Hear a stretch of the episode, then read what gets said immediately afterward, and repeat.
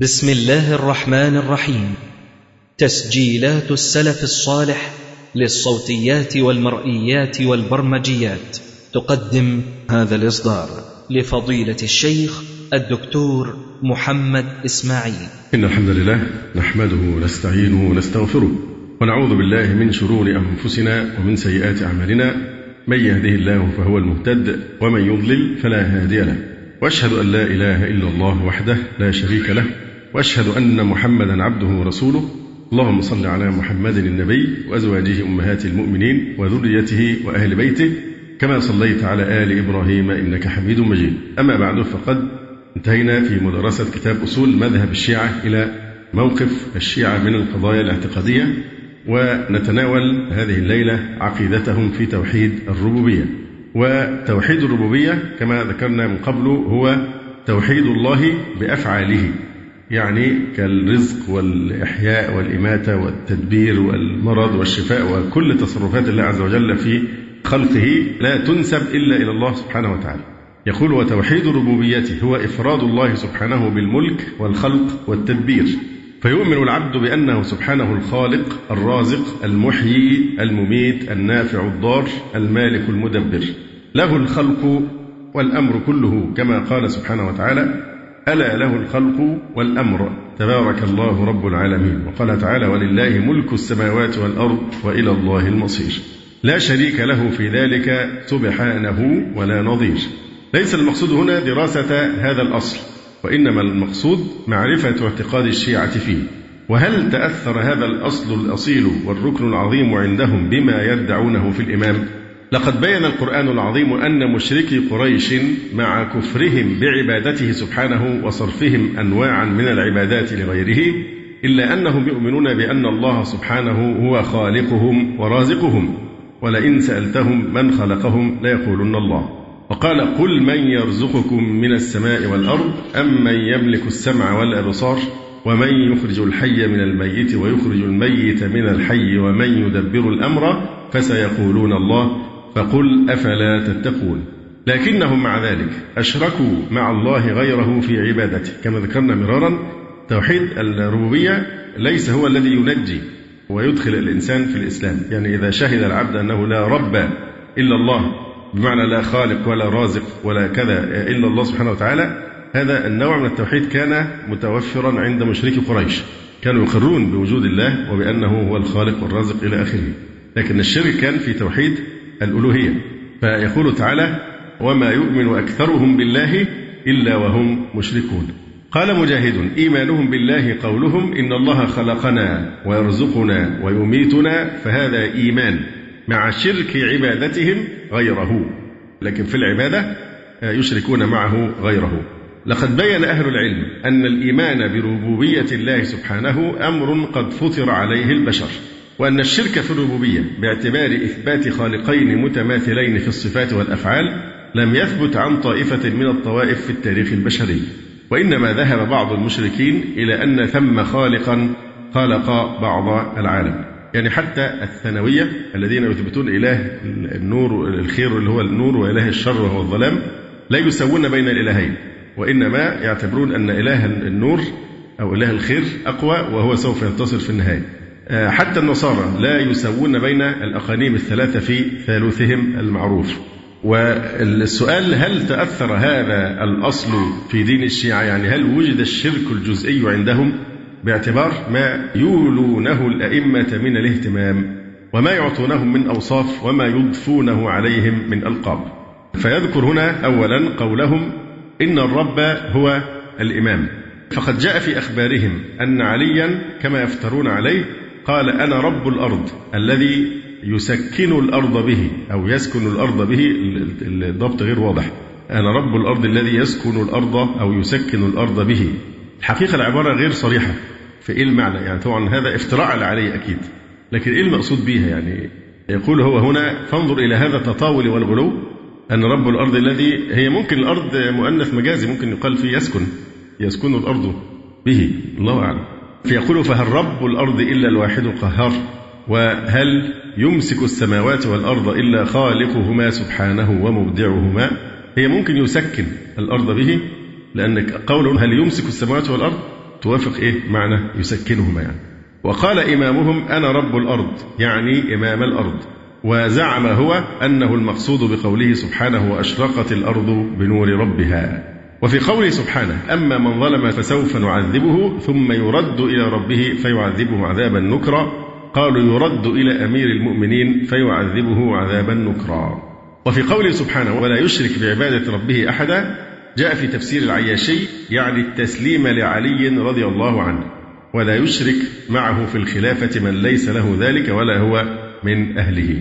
وبنحو ذلك جاء تأويلها عند القمي في تفسيره. ولا تظن أن هذا التأويل من باب أن رب تأتي في اللغة بمعنى صاحب أو سيد إذ إن هذه الآيات نص في الرب سبحانه وتعالى لا يحتمل سواه فالإضافة عرفته وخصصته. وقد قال أئمة اللغة إن الرب إذا دخلت عليه ال لا يطلق إلا على الله سبحانه وتعالى كلمة الرب لكن عند الإضافة يمكن تطلق. قال معاذ الله إنه ربي أحسن مثواي وممكن كمان إيه في برضه في سورة يوسف قال ارجع إلى ربك فاسأله في إضافة. لكن عند الإطلاق الرب لا تطلق إلا على الله سبحانه وتعالى. وهذه التأويلات وضعها لهم زنديق ملحد أراد بذلك صرف الشيعة عن ربها. وقد تكون فرقهم التي قالت بربوبية علي والرجال الذين ذهبوا هذا المذهب والذي نسمع نعيقهم إلى يومنا هذا قد شربوا من هذا المستنقع الآسن الذي احتفظت به كتب الاثني عشرية المعتمدة عندها. حقيقة هو البحث هنا غير مشبع يعني في قضية قولهم إن الرب هو الإمام النقول قليلة وغير مقطوع بالمراد منها لكن لا شك هي تشوش على توحيد يعني الربوبية بصورة أو بأخرى. وهناك ما هو أصرح من ذلك كما يقول الخميني قاتله الله وإن من ضرورات مذهبنا أو ضروريات مذهبنا أن للأئمة مقاما محمودا ومنزلة سامية لا يبلغها ملك مقرب ولا نبي مرسل. وأن لأئمتنا ولاية تكوينية تخضع لها جميع ذرات الكون تخضع لولاية الإيه؟ الأئمة الولاية الكونية. هذا أيضا من الضلال في قضية توحيد الربوبية لا شك في ذلك البحث الثاني قولهم بأن الدنيا والآخرة كلها للإمام يتصرف بها كيف يشاء. وهو التراث الشيعي الأناشيد بتاعتهم والمحاضرات جالس اللطم والأشياء دي كلها مليئة بما هو أبشع من ذلك. أنا أعتقد سمعت مرة واحد من من الجماعة اللي بيجيبوهم يغنوا في ينشدوا في في النياحة جلس النياحة. فبيقول عالي يا عالي يا عالي على كل عالي. وشعر إلى آخر كله شرك صراح. يعني أنا ما تمكنت أن أنا آتي بها مكتوبة لكن أعتقد سهل الوصول إليها. بيتكلم على علي بأشياء يعني عجيبة جدا في الغلو ومنتهى الغلو. يقول عقد صاحب الكافي بابا بعنوان باب أن الأرض كلها للإمام. ومما جاء فيه عن أبي بصير عن أبي عبد الله عليه السلام. قال أما علمت أن الدنيا والآخرة للإمام. يضعها حيث يشاء ويدفعها إلى من يشاء. جائز له ذلك من الله. أيضا هذه الزمرة تنسب إلى الأئمة ما لا سلطان للبشر عليه وتعطي الأئمة ما هو من مقتضيات ربوبية الله تبارك وتعالى.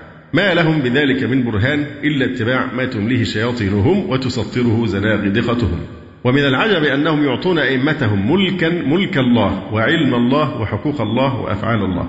يقولون إن ذلك من الله أو جائز له ذلك من الله. فهل هذا إلا مجرد تستر على الإلحاد؟ يعني أن الولاية دي اللي هي على الكون وفي الدنيا والآخرة والتحكم في كل شيء دي هو ليس بذاته وإنما هي من الله. يعني فوضه الله وأعطاه هذه السلطة. يعني. فهذا مجرد تستر على الإلحاد ومحاولة لإخفاء الهدف الخطير الذي تسعى إليه شياطينهم في تأليه الأئمة وإضفاء صفات الربوبية عليهم. المبحث الثالث إسناد الحوادث الكونية إلى الأئمة. يقول كل ما يجري في هذا الكون فهو بأمر الله وتقديره لا شريك له سبحانه. لكن في كتب الاثني عشرية ما يثير العجب في هذا حيث تدعي بأن لأئمتها أمرا في ذلك تقول روايتهم عن سماعة ابن مهران قال كنت عند أبي عبد الله عليه السلام فأرعدت السماء وأبرقت. فقال أبو عبد الله عليه السلام أما إنه ما كان من هذا الرعد ومن هذا البرق فإنه من أمر صاحبكم. قلت من صاحبنا؟ قال أمير المؤمنين عليه السلام. يعني أن كل ما وقع من رعد وبرق فهو من أمر علي لا من أمر الواحد القهار. فماذا يستنبط المسلم المنصف من هذه الرواية؟ والله جل شأنه يقول هو الذي يريكم البرق خوفا وطمعا وينشئ السحاب الثقال. ولا شك أن هذا الضلال المبين يعني الأهل البيت براء من أمثاله يقول الدكتور القفاري أليست هذه هي السبائية قد أطلت برأسها المشوه من خلال كتب الاثنى عشرية. أليس هذا ادعاء لربوبية علي؟ أو أن له شركا في الربوبية؟ كيف تجرأ قلم المجلسي ومن قبله المفيد على كتابة هذه الأسطورة ونسبتها إلى جعفر. فإن هذا الإلحاد لا يخفى على أمثالهم ولا يؤمن بهذا ويدعو إليه إلا كل زنديق ملحد. والعجب من قوم يستقون دينهم من كتب حوت هذا الغثاء ويعظمون شيوخا يجاهرون بهذا البلاء. أليس في هذه الطائفة من صاحب عقل ودين يعلن الصيحة والنكير على هذا الضلال المنتشر والكفر المبين؟ ويبرئ أهل البيت الأطهار من هذا الدرن القاتل وينقي ثوب التشيع مما لطخه به شيوخ الدولة الصفوية من كفر وضلال. أم أن كل صوت صادق إما أن يعاجل بالقتل كما فعلوا مع الكسروي أو يحمل قوله على التقية كما صنعوا في الكثير من روايتهم وطائفة من أقوال شيوخهم. فهل وصل هذا المذهب في سبيل عودته إلى نور الحق إلى طريق مسدود؟ أحسب أن أولئك الأتباع الأغرار. لا يظنون أن هناك إسلاما إلا هذا لأن طوائف من السنة والشيعة أوهموهم بأن لا فرق بين المذهبين إلا في بعض مسائل الفروع فأوصدوا أمامهم مجال النظر والتفكير والبحث بهذا الوهم الشائع الكبير. ودي من أضرار دعوة التقريب بمعنى أن دعاة التقريب يدندنون ليل نهار أنه لا فرق ولا تفرق المسلمين إلى آخره وأن القضايا قضايا خلافية في فروع الدين وليست في الأصول فهذا طبعا يزيد الشيعة فتنة بضلالهم ويسهل الغزو الرافضي لعقائد شباب أهل السنة. ما هو ما دامش في فرق لا يوجد فرق وما دام يجوز التعبد بمذاهبهم إذا ماذا يضرني إن تحولت إلى المذهب؟ يعني الرافضي الذي هذا حاله. يقولون إن السحاب هو المطية الذلول لعلي يسيرها كيف يشاء. تقول روايتهم ما كان من سحاب فيه رعد وصاعقة وبرق فصاحبكم يركبه. أما إنه سيركب السحاب ويرقى في الأسباب أسباب السماوات والأراضين السبع خمس عوامر وثنتان خراب. يعني كأن عليا هو الذي يسير السحاب. والله عز وجل يقول حتى إذا أقلت سحابا ثقالا سقناه لبلد ميت فأنزلنا به الماء. قال عز وجل الله الذي يرسل الرياح فتثير سحابا فيبسطه في السماء كيف يشاء. ويبدو أن قول الاثني عشرية إن عليا يركب السحاب امتداد للمذهب السبائي الذي يقول بأن عليا هو الذي يجيء في السحاب والرعد صوته والبرق تبسمه. وينقل لنا المجلسي رواية طويلة في ثمان صفحات تجعل لعلي قدرات مطلقة. فهو ينقل أصحابه إلى عالم السماوات والأرض ويعرض عليهم معجزات أعظم من معجزات الأنبياء ويمر بأقوام فيهلكهم بصعقة واحدة ويتعاظم حتى يقول إني لأملك من ملكوت السماوات والأرض ما لا تحتملون العلم ببعضه. يقول المجلسي في حديثه هذا إن عليا أومأ إلى سحابتين شاور للسحابتين. فأصبحت كل سحابة كأنها بساط موضوع سجادة يعني فركب على سحابة بمفرده. هو شاور سحابتين نزلوا له أصبحوا الاثنين زي السجاد. فركبوا على واحدة هو وخد أصحابه ركبهم إيه؟ بعض أصحابه كما تقول الرواية كسلمان والمخداد السحابة الأخرى. وقال علي وهو فوق السحاب أنا عين الله في أرضه أنا لسان الله الناطق في خلقه. أنا نور الله الذي لا يطفأ. أنا باب الله الذي يؤتى منه وحجته على عباده. ومضت القصة الطويلة في سرد غريب.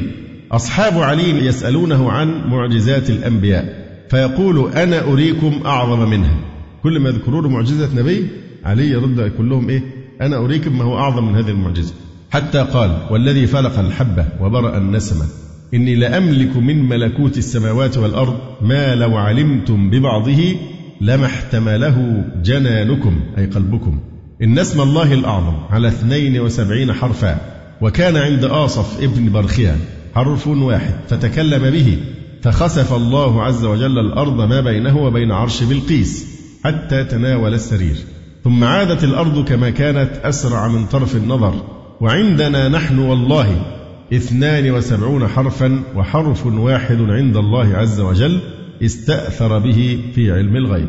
ثم تذكر هذه الأسطورة بأنهم مروا على عوالم غريبة فزار الأنبياء. في رحلة السحابتين دول زار الأنبياء في هذه الرحلة. فكان من الأنبياء من يبكي لما رأى أمير المؤمنين ولما قيل له ما بكاؤك؟ قال إن أمير المؤمنين كان يمر بي عند كل غداة. فتزداد عبادتي بنظري إليه. فقطع ذلك منذ عشرة أيام فأقلقني ذلك. كنت قلقان عليه. ده بيعدي عليا كل يوم الصبح. فلما بشوفه همتي في العبادة هي دار تكليف. البرزخ دي دار تكليف. بيصوم ويصلي ويحج فهو بيقول الأنبياء بيبكوا لما يشوفوا أمير المؤمنين. ما بكاؤك؟ قال إن أمير المؤمنين كان يمر بي عند كل غداء. فيجلس فتزداد عبادتي بنظري إليه. فقطع ذلك منذ عشرة أيام فأقلقني ذلك. فهو اطمأن بقى لما شافه بعد عشرة أيام جاي في السحابتين. وتقول القصة بأن عليا كان يقول لأصحابه غضوا أعينكم. يعني إيه؟ فلعوا عليكم. فينقلهم إلى مدينة أسواقها قائمة وأهلها أعظم من طول النخل. ويقول إن هؤلاء من قوم عاد ثم يصعق فيهم علي صعقة فتهلكهم. وهكذا تمضي القصة. حتى يعودوا يخلهم لهم السحاب ثم يهبطون في دار أمير المؤمنين في أقل من طرف النظر. قالوا وكان وصولنا إلى المدينة وقت الظهر والمؤذن يؤذن وكان خروجنا منها وقت علت الشمس. فقال أمير المؤمنين لو أنني أردت أن أجوب الدنيا بأسرها والسماوات السبع وأرجع في أقل من الطرف لفعلت بما عندي من اسم الله الأعظم. فقلنا يا أمير المؤمنين أنت والله الآية العظمى والمعجز الباهر. هذه الرواية الطويلة بكل ما فيها من بلايا لم يتجاسر شيخهم المجلسي على ردها بالرغم من أنه قال بأن هذا النص لم نره في الأصول التي عندنا إلا أنه قال بأننا لا نردها ونرد علمها إليهم عليهم السلام. فانظر إلى نص لا يوجد في أصولهم المعتبرة. وحوى من الغلو ما لا يخطر ببال ومع ذلك لم يتجرأ على رده. فكيف إذا بالروايات الأخرى المثبتة في أصولهم فقبولها من باب أولى؟ أما المبحث الرابع فيتناول قضية الجزء الإلهي الذي حل في الأئمة. وترد عندهم روايات تدعي بأن جزءا من النور الإلهي حل بعلي. قال أبو عبد الله ثم مسحنا بيمينه فأفضى نوره فينا.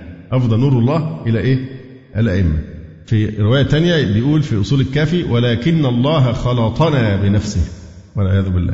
وهذا الجزء الإلهي الذي في الأئمة كما يزعمون أعطوا به قدرات مطلقة. ولذلك فإن من يقرأ ما يسمونه معجزات الأئمة وتبلغ مئات الروايات يلاحظ أن الأئمة أصبحوا كرب العالمين.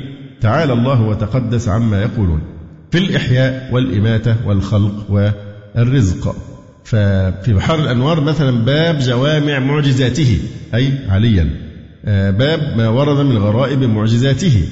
حتى قبر علي جعلوا له معجزات لا يقدر عليها إلا رب العباد. وعقد لهذا صاحب البحار بابا بعنوان باب ما ظهر عند الضريح المقدس من المعجزات والكرامات.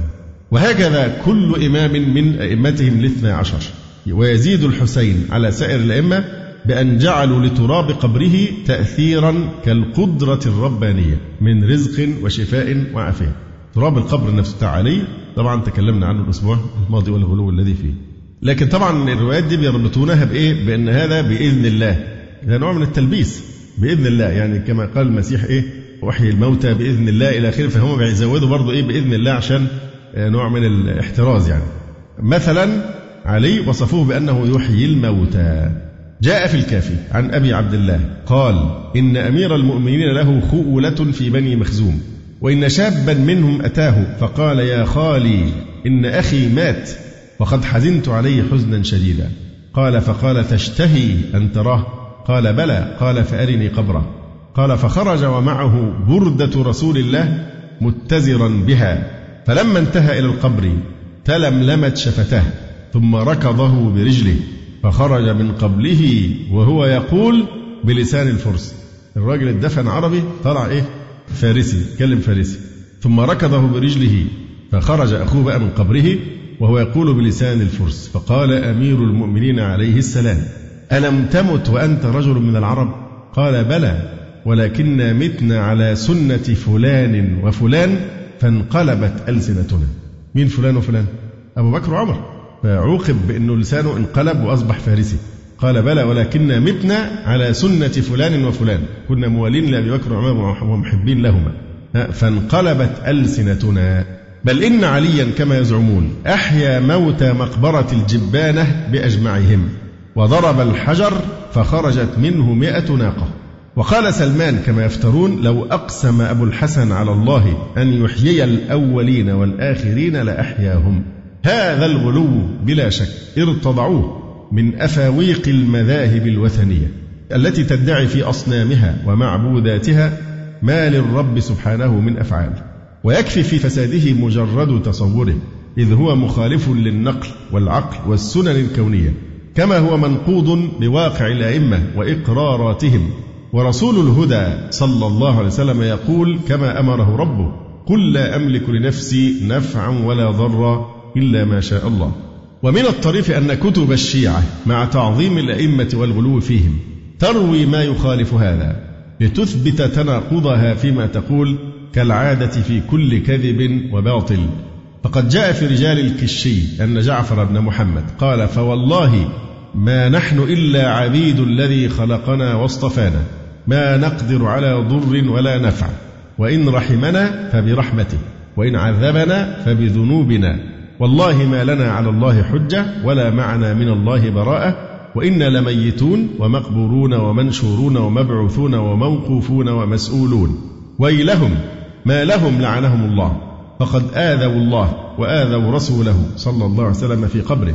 وأمير المؤمنين وفاطمة والحسن والحسين وعلي بن الحسين ومحمد بن علي صلوات الله عليهم أشهدكم أني امرؤ ولدني رسول الله. صلى الله عليه وسلم. وما معي براءة من الله إن أطعته رحمني وإن عصيته عذبني عذابا شديدا.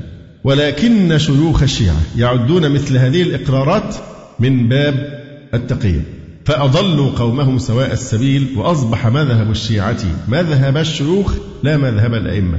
وهذه المقالة التي عرضت لبعض شواهدها عندهم والتي تزعم حلول جزء إلهي بالأئمة قد تطورت عند شيوخهم واتسع نطاقها إلى القول بوحدة الوجود.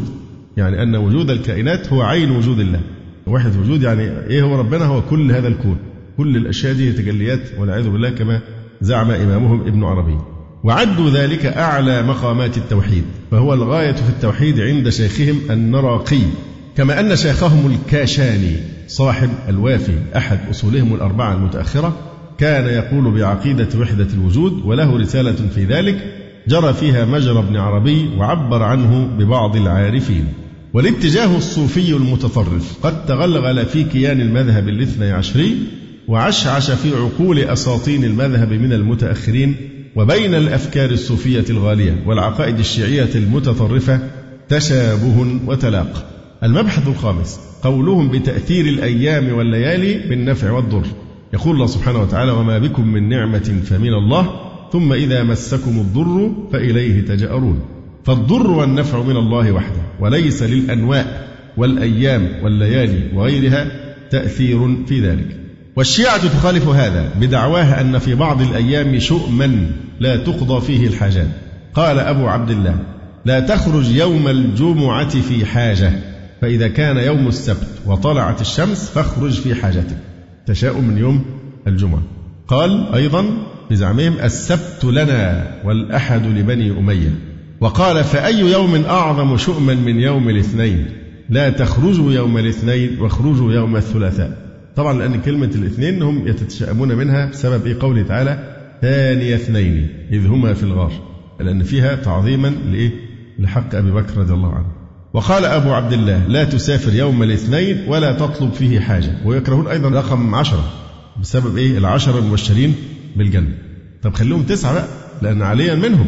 المفروض ما يبقاش اكرهوا رقم تسعة. لأن لما عشرة منهم إيه؟ أمير المؤمنين علي رضي الله عنه. وقال أيضا أبو عبد الله آخر أربعاء في الشهر يوم نحس مستمر.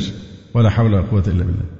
وقال أمير المؤمنين علي كما يفترون يوم السبت يوم مكر وخديعة. مع إن قبل كده في ناس تانية قالت السبت إيه؟ كويس مفيش مشكلة. هيفضل لهم ثلاث أيام في الآخر في الأسبوع. يوم السبت يوم مكر وخديعة. ويوم الأحد يوم غرس وبناء. ويوم الاثنين يوم سفر وطلب. ويوم الثلاثاء يوم حرب ودم. ويوم الأربعاء يوم شؤم يتطير فيه الناس. ويوم الخميس يوم الدخول على الأمراء وقضاء الحوائج. ويوم الجمعة يوم خطبة ونكاح. ثمة أحاديث عندهم أخر بهذه المعاني وطبعا دي موجودة عندنا فين؟ في كتب في أهل السنة. في كتب الموضوعات فقط مش في أصول الإسلام والسنة. نجد مثل أمثال هذه الحديث فقط في كتب الإيه؟ الأحاديث الموضوعة والمكذوبة. ومن مجموع هذه الروايات يتبين أن الجمعة والأحد والاثنين والأربعاء أيام فيها شؤم ذاتي فلا يناسب قضاء الحاجات فيها. ولكن نلحظ أن الرواية الأخيرة اعتبرت يوم الاثنين يوم سفر وطلب وهذا يخالف ما مضى من الروايات ولذلك حمل شيخهم الحر العاملي هذا على التقية حيرونا بالتقية يعني مرة قالوا يوم الاثنين ده يوم شؤم ونحس ومرة ثانية قالوا يوم سفر وإيه وطلب فقالوا لا الرواية بتاعت سفر وطلب دي تقية ما أعرفش إيه الضرورة للتقية في مثل هذا؟ فعلى هذا كل هذه الأيام الأربعة أيام مشؤومة فلم يبق أمام الشيعي من وقت للعمل من الأسبوع سوى أيام ثلاثة. وهذا نوع من التطير وأصل التطير أنهم كانوا في الجاهلية يعتمدون على الطير. إذا خرج أحدهم لأمر أراد أن يخرج في سفر أو قضاء حاجة فإن رأى الطير طار يمنة تيمن به واستمر وإن طار يسرة تشاءم به ورجع. وربما كان أحدهم يهيج الطير ليطير فيعتمدها وكانوا يسمونه السانح والبارح. فالسانح ما ولاك ميامنه بأن يمر عن يسارك إلى يمينك. والبارح بالعكس وكانوا يتيمنون بالسانح ويتشاءمون بالبارح. ويفرق بعضهم بين الطيرة والتطير فيقول التطير هو الظن السيء الذي في القلب والطيرة هو الفعل المرتب على الظن السيء. إذا هذا نوع من التطير وهو التشاؤم ببعض الأيام أو الطيور والأسماء والألفاظ والبقاع وغيرها وهو من عمل الجاهلية والمشركين. وقد ذمهم الله تعالى به ومقتهم وقد نهى رسول الله صلى الله عليه وآله وسلم عن التطير وأخبر أنه شرك وأنه لا تأثير له في جلب نفع ولا دفع ضر وهي من إلقاء الشيطان وتخويفه ووسوسته. قال تعالى ألا إنما طائرهم عند الله ولكن أكثرهم لا يعلمون. قال آه، علي بن أبي طلحة عن ابن عباس ألا إنما طائرهم عند الله أي مصائبهم عند الله ولكن أكثرهم لا يعلمون. وفي رواية قال ابن عباس أي من قبل الله. وعن ابن مسعود رضي الله تعالى عنه عن رسول الله صلى الله عليه وسلم قال الطيرة شرك الطيرة شرك ثلاثا وهذا صريح في تحريم الطيرة. وأنها من الشرك لما فيها من تعلق القلب بغير الله تبارك وتعالى. يقول الحافظ ابن حجر رحمه الله تعالى وإنما جعل ذلك شركا لاعتقادهم أن ذلك يجلب نفعا أو يدفع ضرا فكأنهم أشركوه مع الله تعالى. وهي دعوة باطلة لإضاعة الأوقات وتأجيل الحاجات وصرف للقلوب عن الخالق الباري إلى المخلوقات التي لا تضر ولا تنفع. غير أنه لا يكاد يوجد شذوذ عند الشيعة إلا وفيه من رواياتهم نفسها ما يرد هذا الشذوذ ويبطله فقد جاء في رواياتهم ما ينقض هذه الدعاوى وأبلغ ما يكون نقد الخصم لكلامه بنفسه.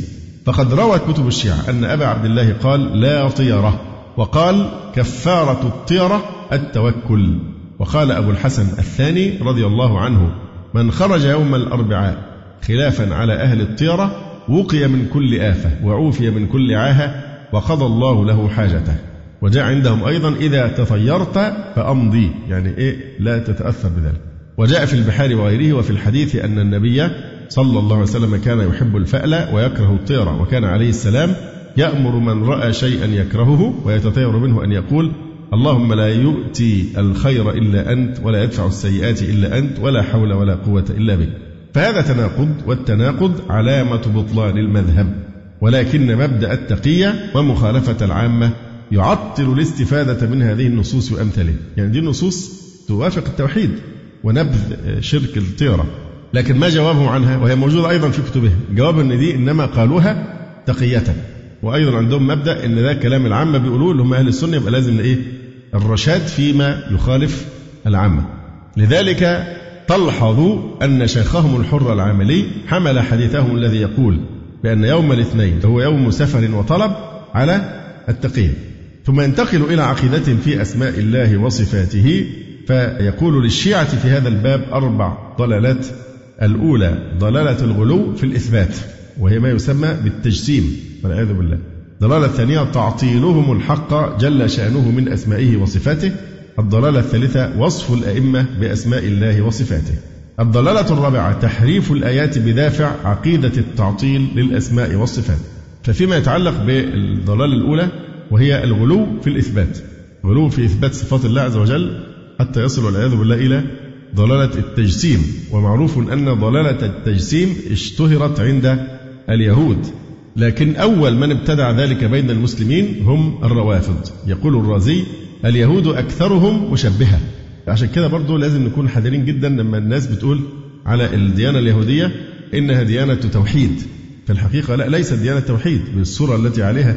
يعني هو علشان ما قالوش ثلاث آلهة زي النصارى يبقى ديانة توحيد الضلال في التوحيد لا يقتصر على تعدد الآلهة لكن حينما يصفون الله سبحانه وتعالى بصفات الأجسام فهذا ينافي التوحيد لأن من أركان التوحيد المهمة جدا توحيد الأسماء. والصفات وتنزيه الله سبحانه وتعالى عن عما لا يليق به وإثبات كل كمال له عز وجل. فحينما يزعمون أن الله سبحانه وتعالى نزل وصارع إيه؟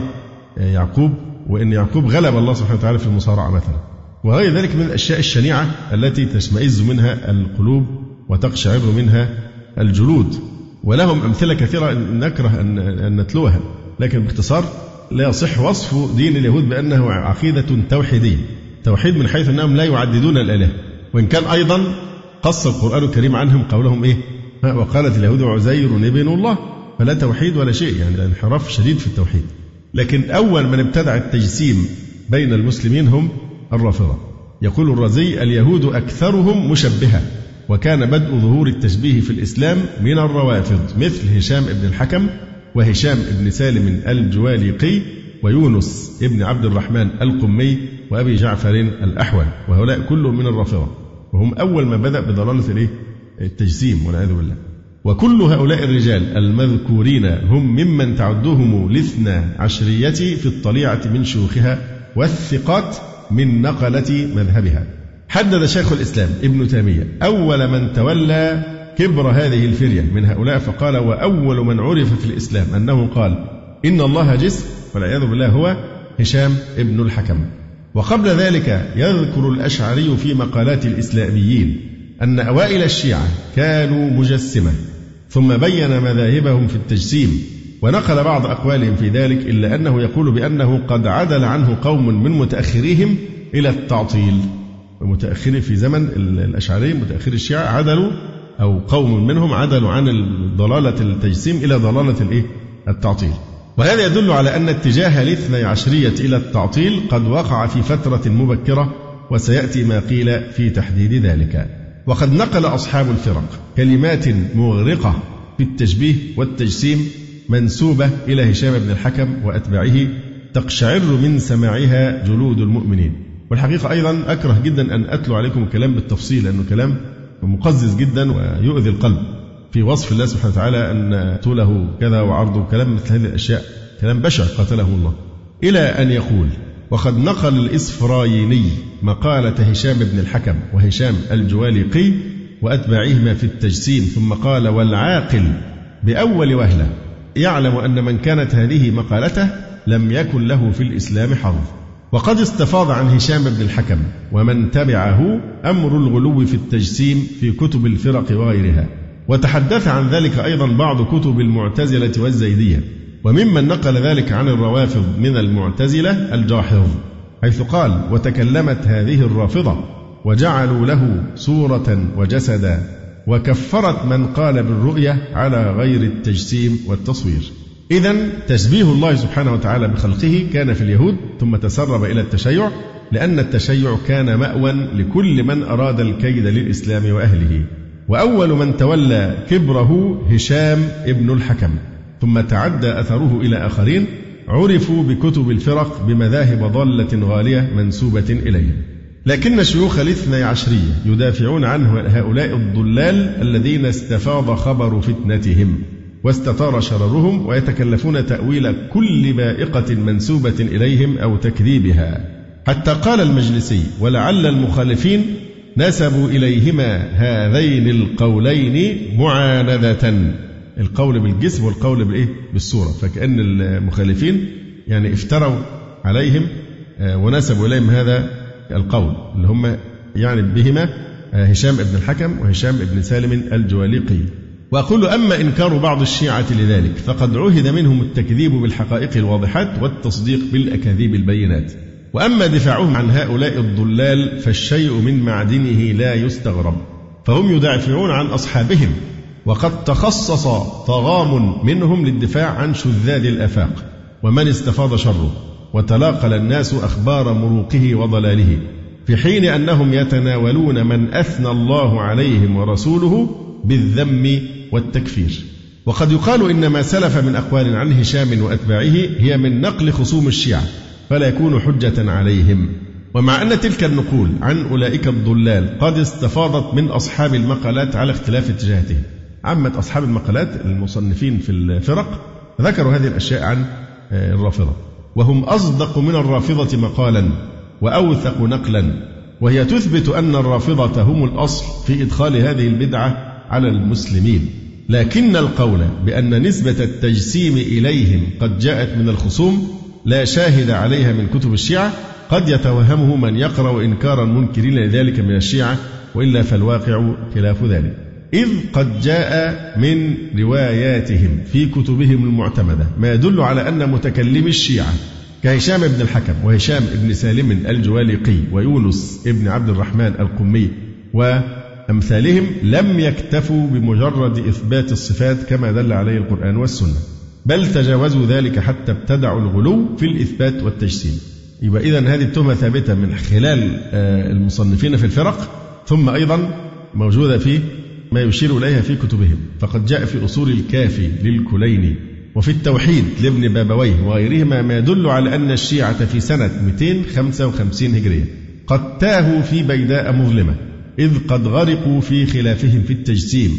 فمن قائل إنه صورة والعياذ بالله. ومن قائل إنه جسم وقد صوروا هذا الواقع لإمامهم فحكم عليهم بأنهم بمعزل عن التوحيد. تقول الرواية كما يرويها صدوقهم القمي عن سهل قال كتبت إلى أبي محمد سنة خمس وخمسين ومائتين قد اختلف يا سيدي أصحابنا في التوحيد. منهم من يقول هو جسم ومنهم من يقول هو صورة. فإن رأيت يا سيدي أن تعلمني من ذلك ما أقف عليه ولا أجوزه فعلت متطولا على عبدك فوقع بخطه. سألت عن التوحيد وهذا عنكم معزول. الله تعالى واحد أحد صمد لم يلد ولم يولد ولم يكن له كفوا أحد. خالق وليس بمخلوق يخلق تبارك وتعالى ما يشاء من الأجسام ويصور ما يشاء وليس بمصور. جل ثناؤه وتقدست أسماؤه. تعالى أن يكون له شبيه هو لا غيره. ليس كمثله شيء وهو السميع البصير. طبعا واضح من السياق أن كان في مشكلة في موضوع أن أصحابهم يقولون بهذه المقالة. وقد كان لهشام بن الحكم وهشام بن سالم الجوالقي بالذات دور ظاهر في اتجاه التجسيم عند الشيعة كما تذكر ذلك مجموعة من رواياتهم. جاء في أصول الكافي وغيره عن محمد بن الفرج الرخجي قال كتبت إلى أبي الحسن عليه السلام أسأله عما قال هشام بن الحكم في الجسم وهشام بن سالم في الصورة فكتب دع عنك حيرة الحيران واستعذ بالله من الشيطان ليس القول ما قال الهشامان فذا يثبت أن هذين الهشامين فعلا ذهب إلى هذا الضلال وكان الأئمة يتبرؤون منهما ومن قولهما وحينما جاء بعض الشيعة إلى إمامهم وقال له إني أقول بقول هشام. قال إمامهم أبو الحسن علي بن محمد ما لكم ولقول هشام؟ إنه ليس منا من زعم أن الله جسم ونحن منه براء في الدنيا والآخرة. وتفصح بعض رواياتهم عما قالوه في الرب جل شأنه وتقدست أسماؤه. فهذا أحد رجالهم ينقل لأبي عبد الله كما تقول الرواية ما عليه طائفة من الشيعة في التجسيم. فيقول إن بعض أصحابنا يزعم أن الله صورة مثل الإنسان. وقال آخر إنه في صورة أمرد جعد قطط فخر أبو عبد الله عليه السلام ساجدا ثم رفع رأسه فقال سبحان الذي ليس كمثله شيء ولا تدركه الأبصار ولا يحيط به علم. أيضا ذكر الرواية عن ابن بابوي فيها كلام بشع مثل هذا الكلام. إلى أن قال إنه يعني أبو الحسن الرضا لما ذكر له هذه الأوصاف خر ساجدا ثم قال سبحانك ما عرفوك ولا وحدوك فمن أجل ذلك وصفوك. سبحانك لو عرفوك لوصفوك بما وصفت به نفسك. فأنت ترى كبار متكلميهم قد غلوا في الإثبات حتى شبهوا الله جل شأنه بخلقه وهو كفر بالله سبحانه لأنه تكذيب لقوله عز وجل ليس كمثله شيء. وعطلوا صفاته اللائقة به سبحانه فوصفوه بغير ما وصف به نفسه وإمامهم كان ينكر عليهم هذا المنهج الضال ويأمر بالالتزام في وصف الله بما وصف به نفسه. وروايتهم في هذا الباب كثيرة. إذا هذا الاتجاه إلى الغلو في الإثبات الذي هو التجسيم قد طرأ على الإثبات الحق الذي عليه علماء أهل البيت. فعلماء أهل البيت كانوا على الاعتقاد الحق. إلا أن التجسيم شيء يعني طارئ عند آه، بعض أتباعه. يقول وأصبح المذهب يتنازعه اتجاهان اتجاه التجسيم الذي يتزعمه هشام واتجاه التنزيه الذي عليه أهل البيت كما تشير إليه روايات الشيعة نفسها وكما هو ثابت مستفيض في كتب أهل العلم. آه نكتفي بهذا القدر. أقول قولي هذا. أستغفر الله لي ولكم. سبحانك اللهم ربنا وبحمدك. أشهد أن لا إله إلا أنت. أستغفرك وأتوب إليك. جزى الله فضيلة الشيخ خير الجزاء ونسأل الله جل وعلا أن يرفع مكانة الشيخ في المهديين وأن يجعله علما من أعلام الهدى والدين. ولا تنسونا وتنسوا الشيخ من دعوة صادقة بظهر الغيب. وتقبلوا تحيات إخوانكم في تسجيلات السلف الصالح بالإسكندرية. هاتف رقم صفر ثلاثة فاصل أربعة تسعة. أربعة سبعة ستة خمسة اثنان. وتليفون محمول صفر عشرة واحد ستة أربعة واحد تسعة ثمانية صفر. والسلام عليكم ورحمة الله وبركاته.